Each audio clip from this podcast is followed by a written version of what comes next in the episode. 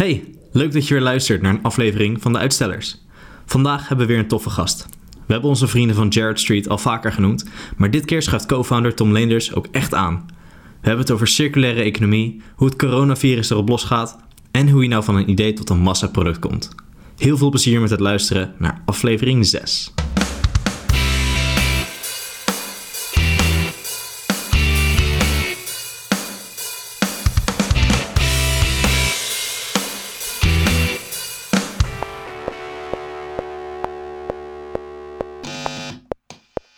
Vandaag hebben we weer eens een nieuwe gast aan tafel. Een gast over wie we al heel veel hebben gepraat, zonder zijn naam te noemen. Nou ja, impliciet dan. En eh, die ons eh, heeft geïnspireerd om deze podcast eh, te blijven maken, zonder dat hij door heeft. Omdat wij het nu veel fijner vinden om naar onszelf te luisteren. Nice.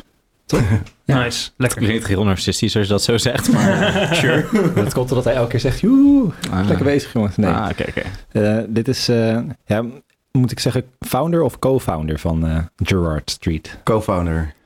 Want ik heb het niet eh, alleen gedaan. Ah, Medeoprichter. Medeoprichter, ja. Nou, daar willen we alles over horen. Nee, vandaag hebben we Tom te gast. Yes. En welkom. Je- Ondertussen onze luisteraars weten welke vragen er gaan komen. Eh Erwin vindt het heel fijn. Nee, eh, we vinden het heel leuk om even wat over te horen van wie jij bent. Eh, wij vinden het sowieso tof dat je hier bent. Mhm. En dat we ook al een tijdje deze koptelefoons mogen gebruiken. En we waren heel benieuwd hoe dat tot stand komt. Hoe je van een idee tot een daadwerkelijk werkende koptelefoon komt. Dat, dat voelt echt nog als een soort van hogere wiskunde. eh, hoe noem je dat? eh, Je had een idee en je hebt het afgemaakt. En Precies. Dat, dat, ja, dat, dat spreekt ons altijd aan. En, men- en men- en men- mensen kopen het en het, het is meer dan alleen maar iets schrijven of alleen maar een foto maken. En eh, daar gaat een heel proces aan vooraf. En het Mhm. is ook gewoon afgekomen en je bent aan het doorontwikkelen. En dat zijn eigenlijk allemaal dingen die, eh, die heel erg fascinerend zijn. En daarom zijn we vooral benieuwd van wie ben je? Wat doe je? Waarom ben je er ooit aan begonnen en eh, waarom duurt het nog steeds? En dan eh, komen we er weer uit. Alright. Ik ben eh, Tom Leners. Ik ben co-founder van Jerry Street. Binnen Jerry Street ben ik verantwoordelijk voor de operatie en het product. En eh, ja, wat doe ik nog meer? Ik ben, eh, speel ook in een band, saxofoon. Kijk, Eh, carnavalsmuziek, want ik kom uit eh, Brabant, uit Den Bosch geboren. En eh, ik heb net een zoontje gekregen. joh, Ook van leuk. harte. Ja. Gefeliciteerd. Hoe, hoe net is net? Vijf weken geleden. Oh, wauw. Zo joh. En dan kun je gewoon hier zitten. Dat is Zeker. goed voor elkaar. En hoe ben je dan verzeld geraakt in, eh, in, in Utrecht als eh, Brabander?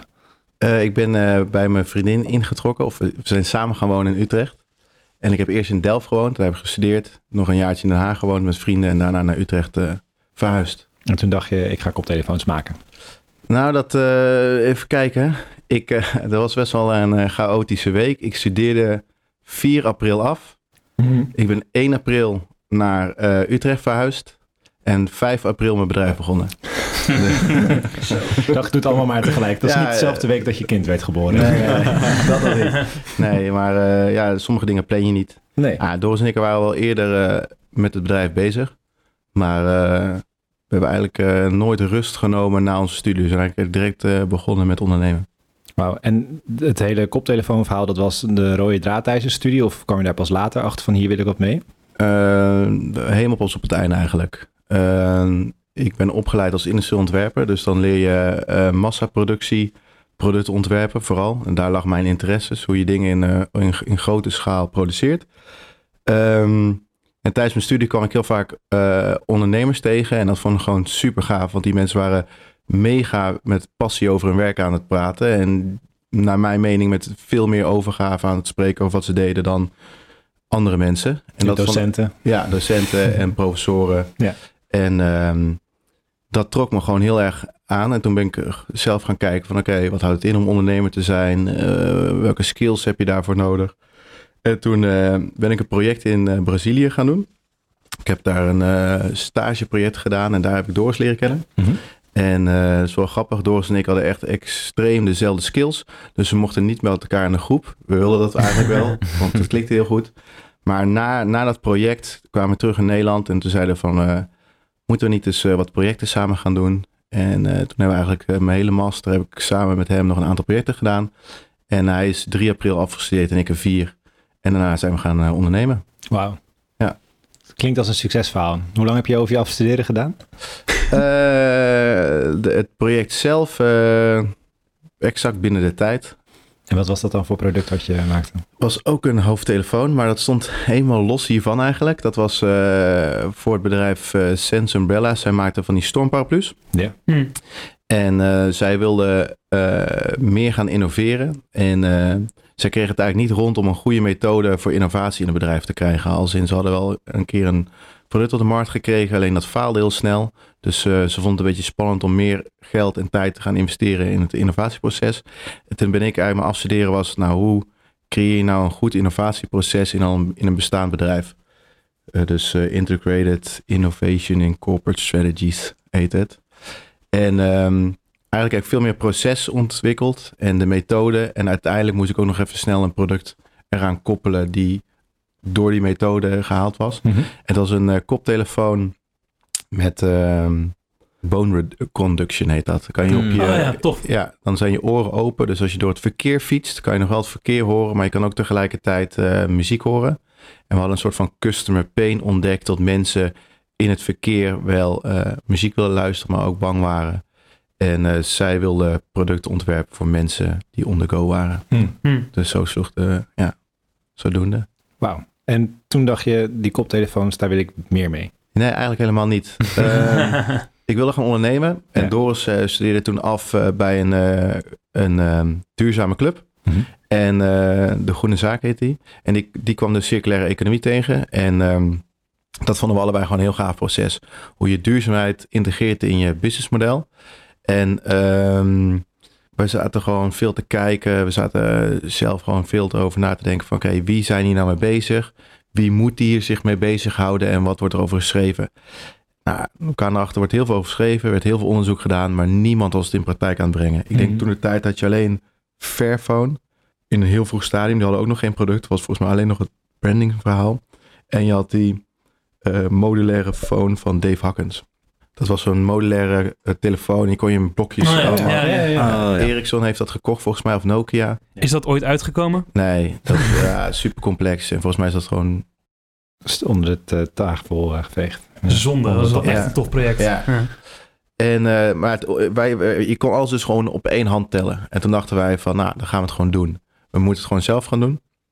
Hebben we eerst nog eh, een, een presentatie bij Philips gegeven of, eh, of zij het niet moesten gaan doen. Hè? Gewoon een soort van case voor hun gemaakt van, moeten wij niet een circulair product eh, voor jullie ontwerpen? Nou, toen kregen we een stageplek aangeboden.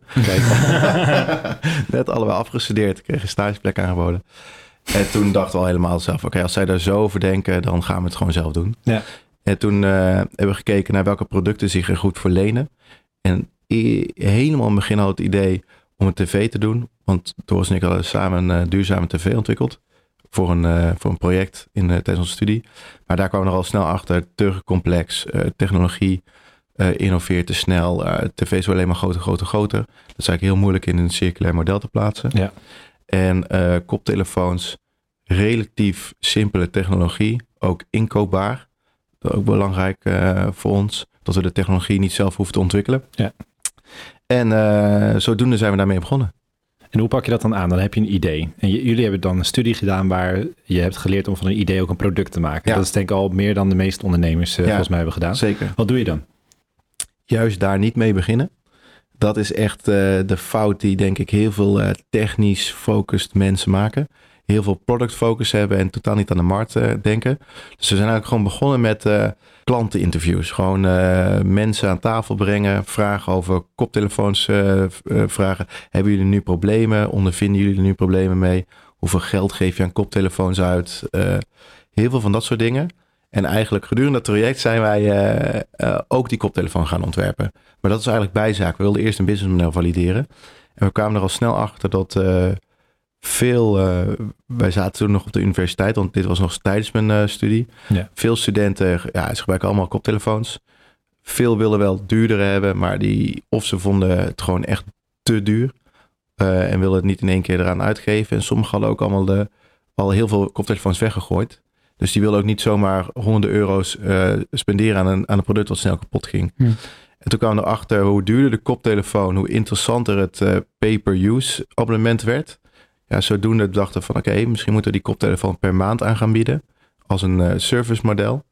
Dat hebben we toen gedaan. En in plaats van zelf de koptelefoon te ontwerpen, hebben we gewoon high-end headphones ingekocht. Die waren nog helemaal niet modulair en duurzaam. En eh, die hebben gewoon aangeboden aan een eh, groep mensen. En in een week hadden we toen 26 klanten. En, die, ja, en die mensen zijn we gaan interviewen. Van oké, waarom heb je gewoon nog geen dure koptelefoon gekocht? Waarom heb je ons concept nou eh, aangenomen? Eh, wat vind je van onze prijs? Eh, wat kunnen wij verbeteren? Bladibladibla. En zo is het eigenlijk gaan rollen. En als ondernemer heb je ook geld nodig. En toen hebben wij deels subsidies opgehaald. En een, een duurzame climate kick heet dat. Dat is een fonds vanuit Horizon 2020. En die investeren in duurzame startups. En we hadden een crowdfunding campagne gedaan om onze eerste klanten aan ons te binden. En die moesten een jaar of twee, drie jaar vooruit betalen. Ja. Waardoor een gedeelte van de productie eh, konden bekostigen. Dus al die tijd had je nog helemaal niks ontworpen. Eh, toen de crowdfunding campagne begon, hadden we wel zeg maar een 3D geprint model. Dus ik had wel in CAD zeg maar een hele koptelefoon gebouwd. Hadden ook speakerbouwers in dienst genomen om de speaker te sourcen en het uh, akoestisch design uh, omheen te doen. En, uh, maar we hadden nog niet geproduceerd. Dus we hadden echt alleen, we hadden denk ik 10, 15 3D geprojecte modellen. Even voor onze luisteraars, CAD, dat is het programma waarin je 3D-tekeningen maakt Yes. van je ontwerp. Ja. Ja. Ja, ja. Dat heel AutoCAD. AutoCAD, ja, bij ons heet het dan SolidWorks. Maar Tof. En hoe ging, hoe ging het verder? Dan, dan krijg je feedback van je klanten. En eh, wat- dat is een, een ding wat ik zelf bijvoorbeeld best wel lastig vind. Als ik eenmaal een idee in mijn hoofd heb, dan vind ik het soms wel lastig om te luisteren naar wat andere mensen te zeggen hebben. En hoe, hoe pak je dat dan aan? ja, daar ging dus helemaal afstuderen over. Kijk. Dat eh, bedrijven dat, eh, en zeker grotere corporates, dat niet goed doen. Ja. Die ontwerpen maar iets en die gaan pas helemaal nadat ze het product hebben ontworpen en al in de markt staan, gaan ze eens feedback vragen over, wil je dit product eigenlijk hebben? Ze, er zijn heel vaak een techno, te- komt een technologie push vanuit het bedrijf of, een, ehm, of ze kunnen bijvoorbeeld iets goedkoper maken en vanuit die push brengen ze een nieuw product uit, maar ze kijken helemaal niet, hé, hey, wilt de markt het wel? En eh, wij, eh, de Lean Startup methode, die gebruikt daar ook heel veel, maar ook gebruik van om in een heel vroeg stadium klanten te integreren in je ontwikkelingsproces. Hmm. Dus wij hebben eigenlijk altijd heel erg normaal gevonden om gewoon eh, altijd te vragen, wil je het zelf kopen? Oké, zo ja, waarom niet, waarom wel? En als je dat wat grootschaliger koppelt, ehm, hoe vind je bijvoorbeeld dat grote bedrijven als, weet ik het, als Apple dat tegenwoordig doen? De circulaire economie? Of, nee, eh, het, het de- terugkoppelen naar de klanten. Oh, eh, Apple maakt daar mega veel gebruik van. Eh, alleen dat weten wij niet, maar, of in ieder geval dat weet de normale klant niet. Maar zij hebben gewoon enorm grote testinstallaties. zij, zij maken design sprints, maar dat doen ze dan intern. Mhm. Dan huren ze eigenlijk gewoon een doelgroep mensen in. En daarmee pitchen ze gewoon iedere maand of één keer in de maand, las ik, gewoon hun nieuwe proposities mee. Dus bijvoorbeeld de iPad hebben ze ook, eh, dat hebben ze niet zomaar zelf verzonnen. Daar hebben ze echt heel veel klanten bij, eh, bij eh, geïntegreerd. Ik ben wel benieuwd hoe ik in dat wereldje kan komen. Want dat lijkt mij gewoon interessant. om gewoon, gewoon lekker in die panels zitten en kijken van, oeh, wat komt er nu aan? Ja, Nee, ja dat is wel cool. ja. Super interessant. Nice. Jij hebt mij ook, toen we voor het eerst aan tafel zaten, gewoon eh, om te praten, toen vertelde je dat je een ding had ontworpen wat in ieder geval zeker voor Ruben en ik erg relevant is. De, de puckpress. Dat Ja. jij die ooit eh, in Maasland notabene eh, in elkaar hebt gezet. Notabene. Maaslands dialect. Maasland. dus ik ben eigenlijk wel benieuwd, in welk stadium zat dat dan? Was je toen nog met je opleiding bezig? Ja, dat was in mijn master. En een vriend van mij, ik heb hem dus niet zelf bedacht of zo. Maar ik heb hem, hij had het hele werkingsprincipe bedacht. En had een, iemand nodig om daar een mooi product van te maken. En toen heb ik meegeholpen om daar een zeg maar, buitenkant voor te ontwerpen. En dat was tij- tijdens mijn master ook. Oh ja, en even trouwens voor de luisteraars die nu geen idee hebben waar het over gaat. De puckpress is een eh, apparaat wat in veel koffie eh, ja, cafés staat om eh, een stukje automatisme daar aan toe te voegen voor het eh, tempen van je koffie. Wat ook niemand weet dat dat is. Stampen. Aanstampen van je in je koffiepoeder, dat, dat je goede espresso krijgt. Automatisering. Maar in ieder geval, Ruben en ik die, hebben allebei eh, wat jaren ervaring in de koffiewereld. Dus eh, dat was voor mij in ieder geval, toen ik dat hoorde, was dat super tof. Ja, om, een soort band, hè? Ja. Keer een soort band. Ja, überhaupt, je was echt de enige in de wereld die wel ooit van Maasland had gehoord en er zelf was geweest. nou, dat, dan heb je al een streepje voor. En dan ook nog eens zo'n product eh en dat aan mij meegewerkt hebben. Dus dat vond ik, eh, ja, was echt heel tof om dat toen te horen. Dat, dat eh Ja, kwam ja. goed aan. En toen ik zei van, ik was zelf op zoek naar projecten om te kijken wat ondernemen was. Ja, dit was dus een van die projecten waar ik aan meedeed. Ja. Gewoon proeven van, oké, hoeveel kost het nou om überhaupt zo'n ontwerp de markt in te krijgen? En eh, wat komt erbij kijken? En, en daar heb ik to- toen de tijd echt ook enorm veel van geleerd. En hoeveel kost dat nou om zo'n product de markt in te krijgen? Mag je dat zeggen? Eh, ja, dat, li- dat ligt natuurlijk helemaal aan wat je strategie is en eh, welk gedeelte van de markt eh, je moet delen. Maar stel je, de, meeste hardware wordt gemaakt. eh, alles wat, wat van plastic wat je in je handen hebt, daar heb je mallen voor nodig. Eh, die mallen die, eh, zijn best wel duur. Dus eh, je moet eh, aan ontwikkeling moet je al snel eh, tussen de 25.000 euro tot een ton. En dan heb je alleen de mallen nog. Dus eh, ja, Wauw. het is wel echt een stuk. Ja. Dus je moet wel heel erg goed weten waar je aan begint voordat je daar een eerste stap in gaat zetten. Je moet, dit is niet iets wat jou overvalt van tevoren, of als je hoort van hoe, hoeveel geld dat kost, zeg maar. Da- Daar ben je van op de hoogte als...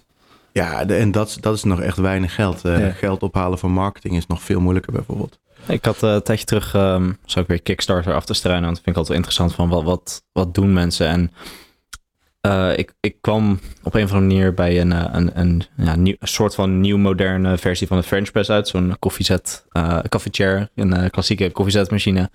En ehm, eh, het probleem wat mensen daarbij hadden is dat eh, koffie die komt dan helemaal onder in die kant te liggen. En die moet je er ook uit zien te krijgen. En het is altijd gewoon gedoe, want dat, dat is gewoon vies en zit allemaal ver weggestopt.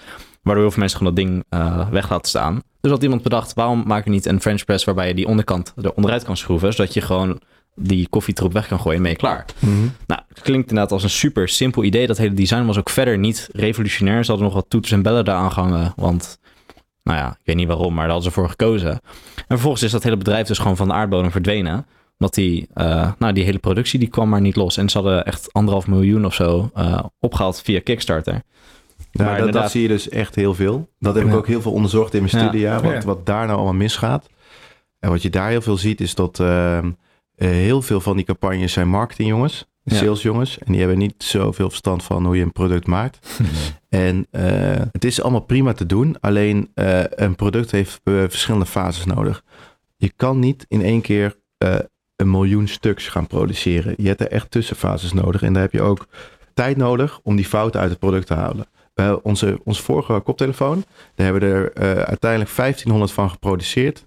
Daar hebben we gewoon heel veel van geleerd. Ja. Eh, en die fouten die hebben we eruit kunnen halen. En in deze versie, en dat is drie jaar later, hebben we die kunnen integreren. Als jij meteen begint met, ik wil een oplage van een miljoen stuks gaan eh, produceren. Ja, dan ga je die fouten er niet uit filteren. En heel veel bedrijven gaan daar kapot aan. Dus kleiner willen starten en, en, en veel testen voordat je door gaat ontwikkelen. En dat is heel duur. Ja. Dus dat is lastig. Want Ja. Heel veel van die kick- Kickstarter campagne, campagnes, die hebben dan eh 20, 25.000 wachtende klanten. Eh, ik, wij, wij hadden dat met 500. Ja, het is best wel stressvol om al die mensen te managen. En je krijgt best wel veel boze mail wanneer je uit gaat stellen. Dus ik begrijp die druk ook wel tot ze Hm. snel willen gaan produceren en snel naar de markt willen. Ja. Alleen hardware kost nou eenmaal gewoon echt veel tijd. En heel veel dingen die, die heb je op papier verzonnen. En die ga je dan eh, tastbaar maken. En die in de werkelijkheid werken die toch niet op die manier die jij in je hoofd had bedacht. Moet je steviger maken of weet ik veel. Je moet andere materialen gaan gebruiken. Ja, dat heeft gewoon tijd nodig. Hm. En plan je die rek die je daarvoor nodig hebt ook in? Eh, deels. Ik denk, eh, ik heb ooit een ondernemer gesproken die zei: "Ah, Als je je niet schaamt voor je eerste product dat je in de markt zet, ga je niet snel genoeg naar de markt. en eh, ik geloof daar wel in. Je moet echt zo snel mogelijk naar, want je, je krijgt dan ook die klantfeedback. En met die feedback kan je weer verder. En zeker die eerste groep, als je gewoon duidelijk open communiceert hoe je doet en waar je staat, zijn ze ook nog super eager om je daarmee te helpen. Ik vind de parallel ook wel eigenlijk heel erg mooi met ehm, nou, wat we met deze podcast proberen te doen, maar ook al- ik als schrijver.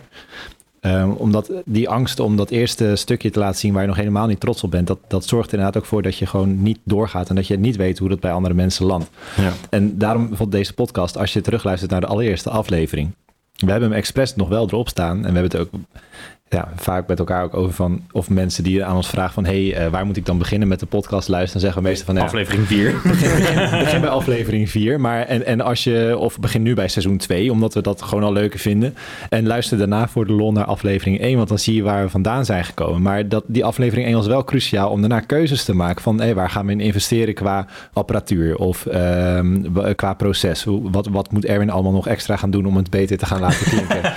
Ehm, dus, maar dat is iets wat ik in mijn, eh, in mijn normale dagelijks leven vond ik dat altijd heel erg moeilijk, omdat bij mij begint het dus vaak bij een idee. Mhm. En zolang het niet is wat ik in mijn hoofd heb, ben ik gefrustreerd en wil ik het niet met andere mensen delen. Dus ik, wil, ik, ik, ik kan heel goed een idee pitchen en mensen kan ik daar ook best wel enthousiast over maken.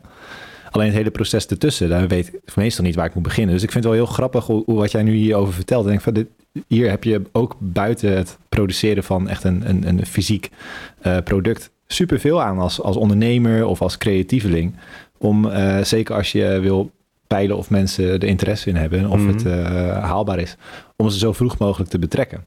En dat is denk ik een stukje wat, wat je nou, wat best wel onderbelicht wordt of zo.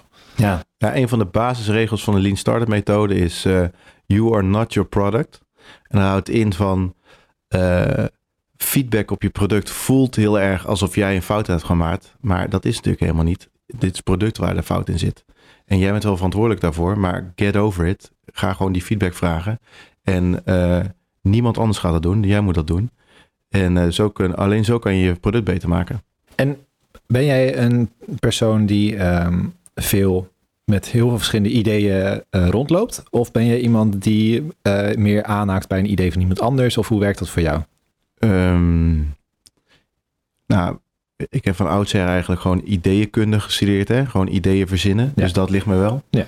Eh, ik ben wel gewoon nu al vier jaar met één idee bezig. Alleen zo zie ik het natuurlijk niet. De, het bedrijf groeit heel erg. Dus eh, je, je zit in verschillende fases van je bedrijf. Heeft verschillende problemen. En daar zie ik juist weer de uitdaging in. Waar Ja. ik weer nieuwe ideeën voor moet verzinnen. Alleen die zijn voor de buitenwereld heb je eigenlijk maar één ding. Dat is de koptelefoon. Ja. Maar voor mij, ik ben allemaal hele kleine ideetjes de hele tijd aan het testen en aan het valideren.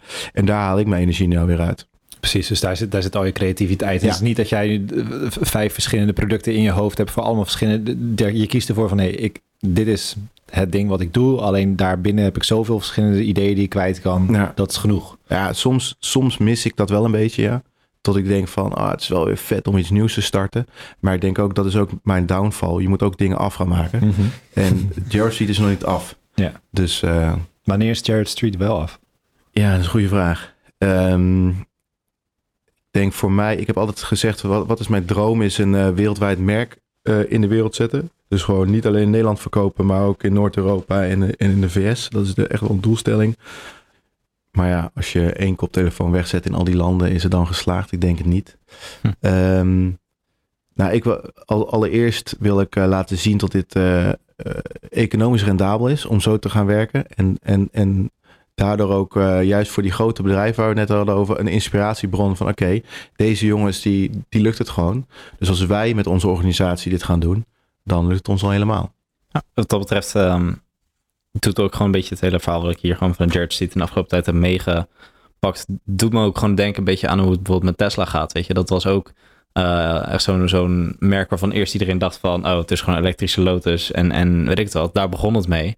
Nou, volgens heeft Elon Musk er geld tegenaan gegooid en begonnen ze producten te maken die mensen toch ook gewoon wilden. Weet je, het was geen, oh, weer een, een Prius-stijl auto die eigenlijk niemand eh, ingezien wil worden, maar gewoon auto's die er mooi uitzien en dan ook nog eens elektrisch zijn. Zoals met de koptelefoons van jullie, van, eh, het zijn gewoon waanzinnig goede koptelefoons en je koopt ook nog eens in op een, een, een circulair model. Ehm, en dat je daar gewoon een stak- stukje bij een beetje die markt verovert. En nu zie je ook gewoon dat, dat, dat alle andere bedrijven in bijvoorbeeld de autosector, die gaan er ook gewoon in mee. Die beginnen nu ook dik in te zetten op elektrische voertuigen. En dat nu zelfs Porsche met een eh, directe competitie voor de Tesla Model S komt. Ja, en Jaguar die gaat stoppen gewoon met, eh, Met de gewone inderdaad. ja, Ja, met de gewone. En dat, dat vind ik gewoon zo tof om te zien. Dat ergens zoiets wat zo klein, lullig begin had. En dat zoals die eerste Tesla Roadster, wat gewoon echt een lelijk ding was. En dat dat gewoon nu, nou nu vliegt hij Ja, ergens rond in Ik vond de... het grappig. Ik vond het juist super vet. Ja? Ja, ik vond het ook. eh, Ik, eh, de ondernemersvisie erachter vond ik ook gruwelijk. Van, Ja. Ik ga eerst gewoon een pleuris dure sportwagen maken. Want daar kan ik mijn geld mee verdienen. En daarna ga ik het, eh, dezelfde innovaties inzetten in een normale Ja. eh, gezinsauto. En dat is super strategisch, weet je. Ja. Want je moet juist die veertiger overhalen die gewoon liever in een dikke BMW zit. Ja. Weet je wel? Want die gasten moet je ook overhalen. En dat heeft hij slim gedaan. Ja, maar dat, dat doe je natuurlijk ook niet met zo'n, wat, wat is ook weer zo'n een BMW i3 of zo. Daarmee, daarmee, ga- daarmee ga je die mensen niet, Nee. niet overhalen. Nee, maar je, je hebt wil iets BMW vergelijken. i3, je hebt, hem wel, je hebt hem wel nodig voor de innovatie op de een of andere Ja, manier. ook die Ja, maar je wil, je wil wel hetzelfde, hetzelfde ervoor terugkrijgen op het moment dat je iets in gaat wisselen. Ja, wat, ik, wat ik wel tof vind is dat ehm, zoiets als de i3, de- op de een of andere manier, mensen haken daarop aan die, die zijn geïnteresseerd in de innovatie voor mijn gevoel en niet per se in de auto aan zich. Nee. En eh, die, die nemen voor lief dat de actieradius nog niet zo super goed is. En, maar die gaan ervan uit dat wanneer ik hierin investeer en andere mensen doen het ook, dan wordt het beter. En uiteindelijk Mhm. heb ik straks een product waar ik wel misschien trots op ben of zo. Ja, Zoals een. Tesla. Zoals een Tesla. Ja. Nou, wat, wat dat betreft eh, was natuurlijk een paar maanden terug kwam eh, die, die aankondiging van die Cybertruck. Hmm. Maar ik vind het echt een waanzinnig tof ding. Ja. Vooral omdat één iemand die ging ook uitleggen van waarom ziet die Cybertruck nou er zo uit? En toen was er gewoon even een, een videootje gemaakt met de ontwikkeling van de pick-up truck eh, in de afgelopen 60 jaar. Nou ja, dat zijn al die 60 jaar precies dezelfde eh, vorm, dezelfde soort auto geweest. Kunnen precies hetzelfde. Eh, als je nu alle grote merken van pick-up trucks, van Ford tot Dodge en allemaal naast elkaar zet, is ze zijn niet uit elkaar te houden. Mhm. Hoe ga je zo'n markt instappen als jij ook precies dat gaat maken, maar dan wel eh, eigenlijk alles wat mensen gewend zijn van ze afneemt? Nou, dat, dan, dan ga je die, die, die typische truckdriver, die ga je daar niet mee overhalen. Maar wat je nu doet met zo'n Cybertruck, is je maakt zo'n compleet anders iets eh, en je biedt ze zo- zo'n compleet andere ervaring. Nou ja, daar zullen een hoop gasten van zeggen van dit is verschrikkelijk, ik snap niet waarom mensen dit doen. Maar die mensen die dat wel, eh, die daardoor getriggerd worden, die worden inderdaad dan ook die early adopters. En die, die nou, zetten dan gewoon in op zo'n nieuw innovatief product. Maar die hebben ook, ook veel sneller en veel sterkere band met, met jou als bedrijf. Zo kun je zo'n markt gewoon eh, eigenlijk instappen. In plaats van dat je letterlijk hetzelfde gaat proberen te doen als wat iedereen al doet. Alleen dan eigenlijk niet op hetzelfde level of op dezelfde manier zoals die customer base gewend is. Mhm. Wat vind jij, Tom, wat vind jij dan zo, zo vet aan, aan juist de, de producten die voor andere mensen misschien niet meteen tot de verbeelding spreken?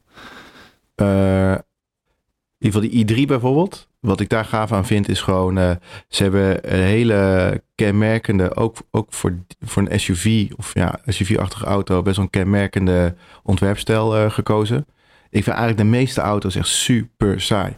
De, eh, als je gewoon de afgelopen 50, 60 jaar naar autodesign hebt gekeken... weet je, het is niet echt heel veel veranderd. Het zijn er gewoon steeds een koekblik met, met vier wielen, weet je wel. Best wel, als je als ontwerper best wel saai. Je hebt beperkte vrede. En ze hebben dat al toch anders gedaan.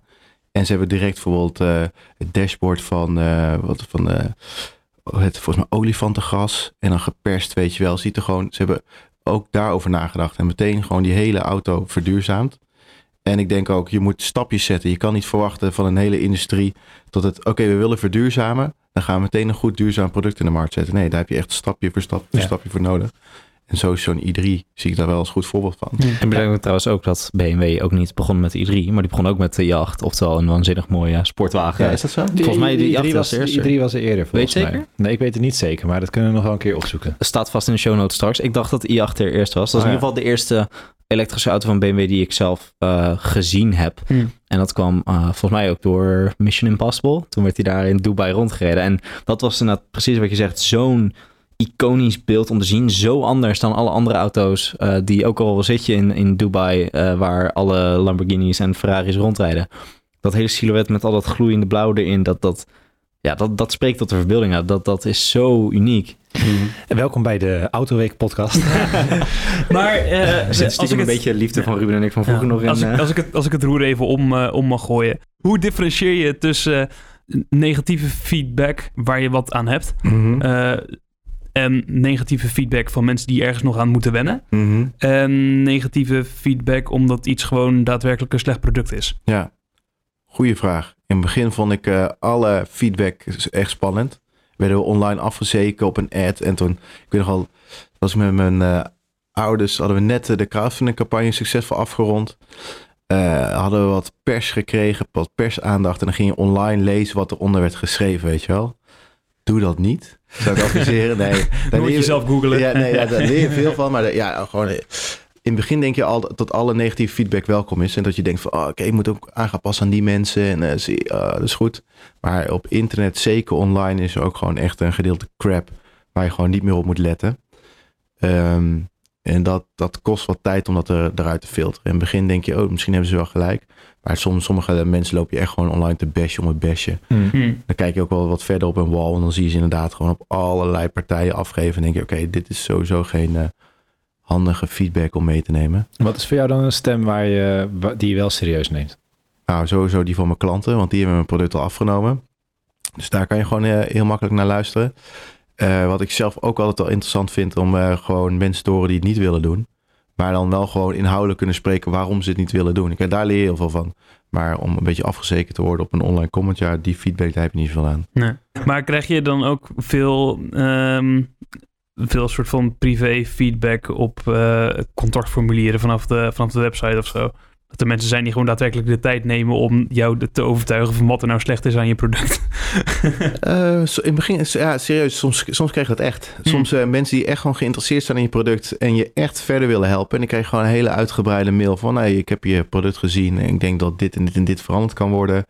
Eh, daar en daar en daarom. Ja, daar heb je echt veel aan. Ja. En ehm, dat is gewoon heel relaxed. Vooral, eh, maar wat, af en toe eh, met ondernemen gewoon wel irritant is, is vooral de ongevraagde feedback. Dat je een keer weer op een borrel staat en dan komt gewoon iemand zonder te vragen waar je mee bezig bent, waar je geld momenteel aan uitgeeft. hey, weet je wat jij moet doen?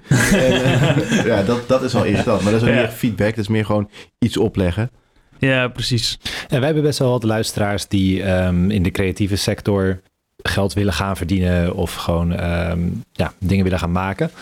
Eh, zijn, zijn er nou principes hieruit die je aan hun zou adviseren van hey, eh, jij wil nu eh, beter worden als muzikant of weet ik wat. Zijn er principes hieruit die je daar ook zou kunnen toepassen? Ja, ik denk dus echt van wel. Maar ik heb best wel een commerciële blik altijd op dit soort dingen. Ik denk dat heel veel echt goede, ja, ik weet niet of muzikanten, maar creatievelingen ook best wel wat gevoelige mensen zijn. Dus die vinden het misschien sowieso wat spannender om feedback te vragen en, en daar goed mee om te kunnen gaan. Maar ehm, ik denk het, eh, het überhaupt het verzamelen van feedback is altijd slim. Het maakt je alleen maar beter als ontwerper of als creatieveling. En, ja. Ik ben, ik ben bijvoorbeeld nu een boek aan het schrijven. Mhm. Zou je bijvoorbeeld adviseren om op een bepaald punt, nog voordat je iets af hebt gemaakt, ehm, een crowdfunding te starten of al met in gesprek te gaan met je lezers? Want dit is natuurlijk eh, wa- waar, waar het lastig wordt, is het, het, het snijvlak tussen ehm, commercie en kunst. Ja. Alleen heel veel kunstenaars gebruiken het feit dat iets hun kunst is, ook om zich zo erg af te sluiten voor kritiek van buiten. Mhm. Dat, eh, ja, die willen daar helemaal niet naar luisteren. Zeg maar, wanneer is het, dat is natuurlijk veel te genuanceerd, maar wanneer is iets eh, genoeg? Wanneer, wanneer luister je genoeg naar andere mensen en wanneer luister je te veel naar andere mensen of zo? Eh, Betrek je mensen in jouw maakproces eh, bijvoorbeeld om eh, als crowdfunding, ik ga dit boek schrijven, wil je nu alvast in mij investeren? Mhm. Of, ik, vind het wel, ik vind het wel leuk om over dat soort dingen na te denken, vooral omdat ik daar nog geen ervaring mee heb. En ik denk dat heel veel mensen die aan, omdat tegenwoordig is het veel normaler om iets als een crowdfunding campagne te starten. Maar op welk punt doe je dat? Heb je dan al een, iets gemaakt of doe je dat helemaal aan het begin? En, en, en hoe betrek je mensen daarin? Zijn, heb je daar wel eens over nagedacht?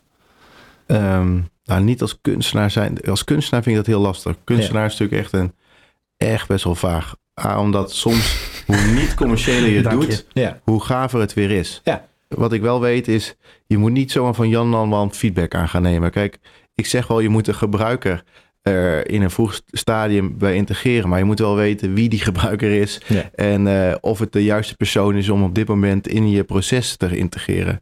Iemand die nooit een koptelefoon zou kopen en nog nooit in zijn leven heeft gedaan, die ga ik niet op feedback vragen. Eh, je, je moet dus de, de, de, de doelgroep gaan zoeken die je denkt al het te gaan aanschaffen. Ook misschien een doelgroep die wel een koptelefoon zou aanschaffen, maar niet die van jou. Want dat is ook interessant om te weten waarom ze dat niet zouden doen. Maar iemand die nog nooit een koptelefoon gebruikt heeft en nog nooit eh, Spotify gebruikt en nooit van zijn leven een koptelefoon gaat gebruiken, ja, die zou ik niet eh, gebruiken. En dat zou ook ook met kunstenaar zijn. Eh, je, voor wie wil je relevant zijn en integ- en integreer die mensen in je proces. Ja, ik denk dat je inderdaad dat, dat kun je op, op, op alles toepassen, weet je. Voor mij heeft het niet uh, heel veel nut om uh, aan, aan andere uh, bruiloftsfotografen te vragen wat zij van mijn werk vinden. Want ik ben totaal niet in hun niche actief. als zij alles kunnen delen over hun werkveld, maar niks over mijn werkveld, dan ga ik daar weinig aan hebben. Want ik ga niet diezelfde mensen proberen te bereiken als zij. als je, als je ja, audio-artiest bent en, en jij moet mensen uh, nou, iets, met, iets met uh, podcast bijvoorbeeld editen. En, en je moet aan mensen vragen van, hey, hoe vind je dit klinken? En je gaat dan naar alle mensen vragen die nog nooit een podcast hebben geluisterd. Ja, zij zijn er helemaal niet kundig in en, en, en hebben helemaal niet, spreken niet de, eigenlijk dezelfde taal als jij uh, om jouw feedback te geven waar mm. jij iets aan hebt. Dus dat, dat, dat beetje selectief zijn van wie kan mij nou echt iets, iets toevoegen aan waarde? Wie heeft echt iets zinvols te zeggen over wat ik doe?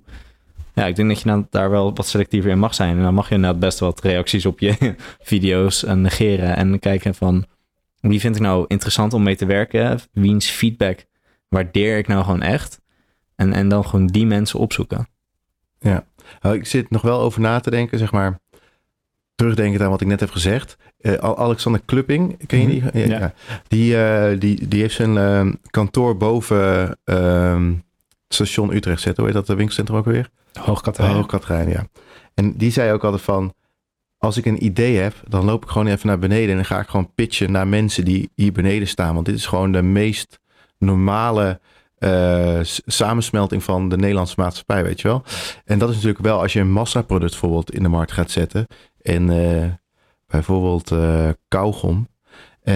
dan is wel gewoon, dan, kan je, dan kan je natuurlijk wel een heel breed publiek weer integreren in je feedbackproces. Wat wel grappig is, omdat je op Utrecht Centraal tegenwoordig um, allemaal pop-up, uh, niet alleen pop-up stores, maar hele concepten worden er neergezet. Mm -hmm. Bijvoorbeeld van gisteren zag ik dat daar uh, Radio 538 met een uh, pop-up studio staat. Ja, klopt. En, nou ja, die is inmiddels alweer afgebroken. Maar... Na één dag alweer? Ja, zeker. Ja, dat, nou, dat weet je hoeveel mensen in Utrecht Centraal er voorbij komen? Ja, dat is echt... echt de nou, reach is gigantisch. Dus het is, het is wel een heel leuke manier inderdaad om zo heel snel aan je marktonderzoeken te kunnen doen. Ja. Misschien is daarom het hele idee van straatmuzikant uh, zijn niet om er geld mee te verdienen, maar om gewoon te kijken of mensen je muziek tof vinden. Het is nog eenmaal zo'n slecht idee niet. Mm -hmm. Volgens mij kun je trouwens als straatmuzikant ook best wel dik verdienen. Als jij inderdaad gewoon goed bent en je voegt iets toe voor die mensen uh, in hun ervaring als ze door de stad lopen. Ja. Dan kan het gewoon. Ik, ik, heb wel verhalen gehoord van mensen die gewoon letterlijk een, een 30k plus inkomen puur uit, uit uh, twee, tussen een paar dagen in de week uh, Basco op een straathoek pakken. Dus. Dan ga ik nu mijn carrière switchen. Nee. Nice. ik ben benieuwd, waar kunnen we je vinden? nee. Hey, als je als George Street nou af is, mm -hmm. Ga je dan verder met uh, andere koptelefoons of uh, heb, je, heb je andere dingen die je ook nog tof zou vinden om te maken? Uh, ik denk als de koptelefoon af is en succesvol, ik denk wel dat daar andere audioproducten aan kan koppelen. Bijvoorbeeld, we hebben nu net al een eerste onderzoekje gedaan naar die True Wireless Ear, Earpods. Dat lijkt me ook heel vet. Maar stel ik ben helemaal klaar met, uh, met dan denk ik dat ik gewoon weer even niks ga doen en gewoon weer focussen. Oké, okay, wat wordt mijn volgende bedrijf? Saxofoonspeler. Ja, een uh, 3D geprinte saxofoon ontwerpen. Ja, hey, nice. Never say never. Ja, en anders word je gewoon coach voor al die, uh, al die ondernemers die, uh, die wel gewoon eerst gaan bedenken wat ze precies moeten maken zonder te luisteren. ZZP-coach. het, is, het, is een, het, het is een heel logisch verhaal. En heel, het klinkt heel simpel, maar ik denk dat maar heel weinig mensen, nou misschien alle IO'ers dat die het doen, maar ik, ik hoor niet heel vaak dat ondernemers op deze manier mensen proberen te betrekken bij dienst die ze leveren. Um, of ik ken gewoon de verkeerde ondernemers. Nou, je, je, hebt, uh, je hebt verschillende smaken ondernemers natuurlijk. Hè? Je hebt ook echt cowboys die gewoon zeggen van uh, ik begrijp de wereld. Uh, ik doe gewoon alles op mijn gevoel. En die slagen ook. Ik denk alleen de kans van slagen is vele malen hoger als je gewoon feedback integreert en de, en de gebruiker erbij betrekt. Ja. ja. En dat is ook een manier. Maar ik denk, ik denk gewoon die mensen, ja, die succesverhalen heb je. En je hebt ook mensen die gigantisch mee in de mis gaan. Ben je zelf ook wel eens met zoiets in de mist gegaan voordat je dit leerde? Als in uh, een grote fout. Ik heb nog niet veel geld verloren aan, uh, aan, een, aan een product of zo, of aan een idee. Uh, ik maak denk ik echt op wekelijkse basis fouten. Gelukkig. Maar ja, de, dat, dat is echt iets wat je moet leren in een start-up. Gewoon eh, een fout maken is helemaal niet erg, maar je moet hem goed oplossen. En soms, voor, wij doen ook zoveel dingen nieuw. Eh, bijvoorbeeld, wij waren een van de, ja, we waren volgens mij het eerste bedrijf in Nederland wat met een, eh, een eh, SEPA incasso contract werkte, waarbij je een ideal betaling vervolgens automatiseert in een SEPA en dat dan eh, automatisch kan eh, aftrekken, afhalen van een rekening. Eh, ja, weet je, als je om dat soort dingen nieuwe dingen doet, de hele context, de hele omgeving daarvoor, die zijn allemaal niet gebouwd. Dus je moet allemaal nieuwe dingen gaan maken. Ja, daarin gaan gewoon dingen fout. Omdat ze gewoon nog nooit eerder gedaan zijn. Ja, dat geloof ik wel. Als je nu kijkt naar de, hoeveel tijd je waarin steekt in je bedrijf, hoeveel gaat er daadwerkelijk naar de koptelefoon en hoeveel gaat er naar het proces en het bedrijf run- runnen en uh, weet wat? Eh, dat scheelt heel erg. We zitten nu in een eh, geldophaalfase, dus dan gaat het heel erg, heel erg daarin. Ik denk het meeste, het meeste tijd overal is gegaan in marktvalidatie. Dus echt de klant zoeken, het probleem zoeken, de propositie testen. Een gedeel, eh, gedeelte is natuurlijk gegaan in de productontwikkeling. Alleen daar hebben we gewoon een partner bij gezocht op een gegeven moment. Die daar al ervaring in heeft. Hmm. En ik denk dat dat altijd heel slim is om te doen. Je kan alles zelf gaan doen. Maar er zijn gewoon mensen die beter kunnen dan jij. En daar moet je mee samenwerken. En eh, deze partijen die we hadden gevonden, die hadden gewoon al eh, heel veel headphones gemaakt. Ook andere producten. En die wisten hoe dat eh, in China, hoe, dat, hoe ze dat spelletje moesten spelen. En eh, zodoende werken wij nu met hen samen. Vet. En eh, is er nog iets waar, ehm, waar onze luisteraars naar kunnen uitkijken? Want je zei je zit in een geldophaalfase. Dat betekent dat er een nieuw product aan zit te komen. Zeker. We, binnenkort gaan we een eh, active noise cancelling eh, lanceren. Dat is wel leuk dat Aaron gaat ons ook helpen met die campagne. Kijk, Echt heel Dat- is tof. Super tof, ja. Ja, en ehm, eh, dat is voor aankomende tijd. Dus gewoon gaan we drie modellen op de markt. Hebben een wired versie, een Bluetooth versie en een scene versie. Eh, ik denk ook wel dat die earpods eraan gaan kopen. Voor ons, die two wireless dingen. Alleen, ja, dat heeft gewoon even tijd nodig. Cool man. Hm. nou, ik zal je niet vragen om er een eh, datum aan te koppelen om boze reacties te voorkomen. Heel goed. Ja, dat is een, een van de dingen die wij geleerd hebben met onze allereerste crowdfunding campagne. Communiceer geen data die je niet 100, 100% zeker weet. En eh, produceren in China is gewoon, bijvoorbeeld nu met het eh, coronavirus, Ja. is dus fabriek gewoon 12, volgens mij aan mijn hoofd 12 dagen langer dicht. Ja, dat betekent gewoon dat je, wij, wij moeten nu gaan produceren. Gewoon tot het eh, alweer 12 dagen is uitgesteld. Ja. Ja, precies. En, en Sure. hier hangt er echt gewoon nog veel van af. Ik bedoel, wij, wij hebben het heel erg klein ook meegemaakt dat wij aan het eind van seizoen 1 zeiden tot over een paar weken. En dat, dat werden drie maanden. Nou, gelukkig hebben wij, hebben wij nog niet zo'n grote volgersbasis. En de mensen die ons volgen, die, die zijn vergevingsgezind. Dus we hebben één of twee mensen gehad die zeiden van... hey, wanneer komt er weer een nieuwe aflevering? Maar ik kan me wel zo voorstellen dat wanneer er veel meer in het spel is... of wanneer je al geld hebt geïnvesteerd... dat op een gegeven moment dat heel erg nare reactie ook kan opleveren. Maar, Ja. Ja, als je je eigen huur moet betalen van, die, van je podcastjob, dan denk ik was die eh, volgende podcast wel eerder geweest. Ja, Ja, dat, precies. dat, dat, zou ook al meemaken. Ja. Maar ik, eh, ik wilde nog wel even, even naar jou terugkoppelen. Ik weet niet, ehm, outsourcen jullie eh, het klantencontact naar zeg maar, de mensen die al klant van jullie zijn? Nee, Is dat ook nog steeds intern? eh, juist intern. Ja. Dat is eh, eigenlijk, eh, wij leveren natuurlijk een product, maar we leveren eigenlijk een service. Ja. Dus die service is nog vele malen belangrijker dan het product zelf. Dus we hebben gewoon een eh, service medewerker.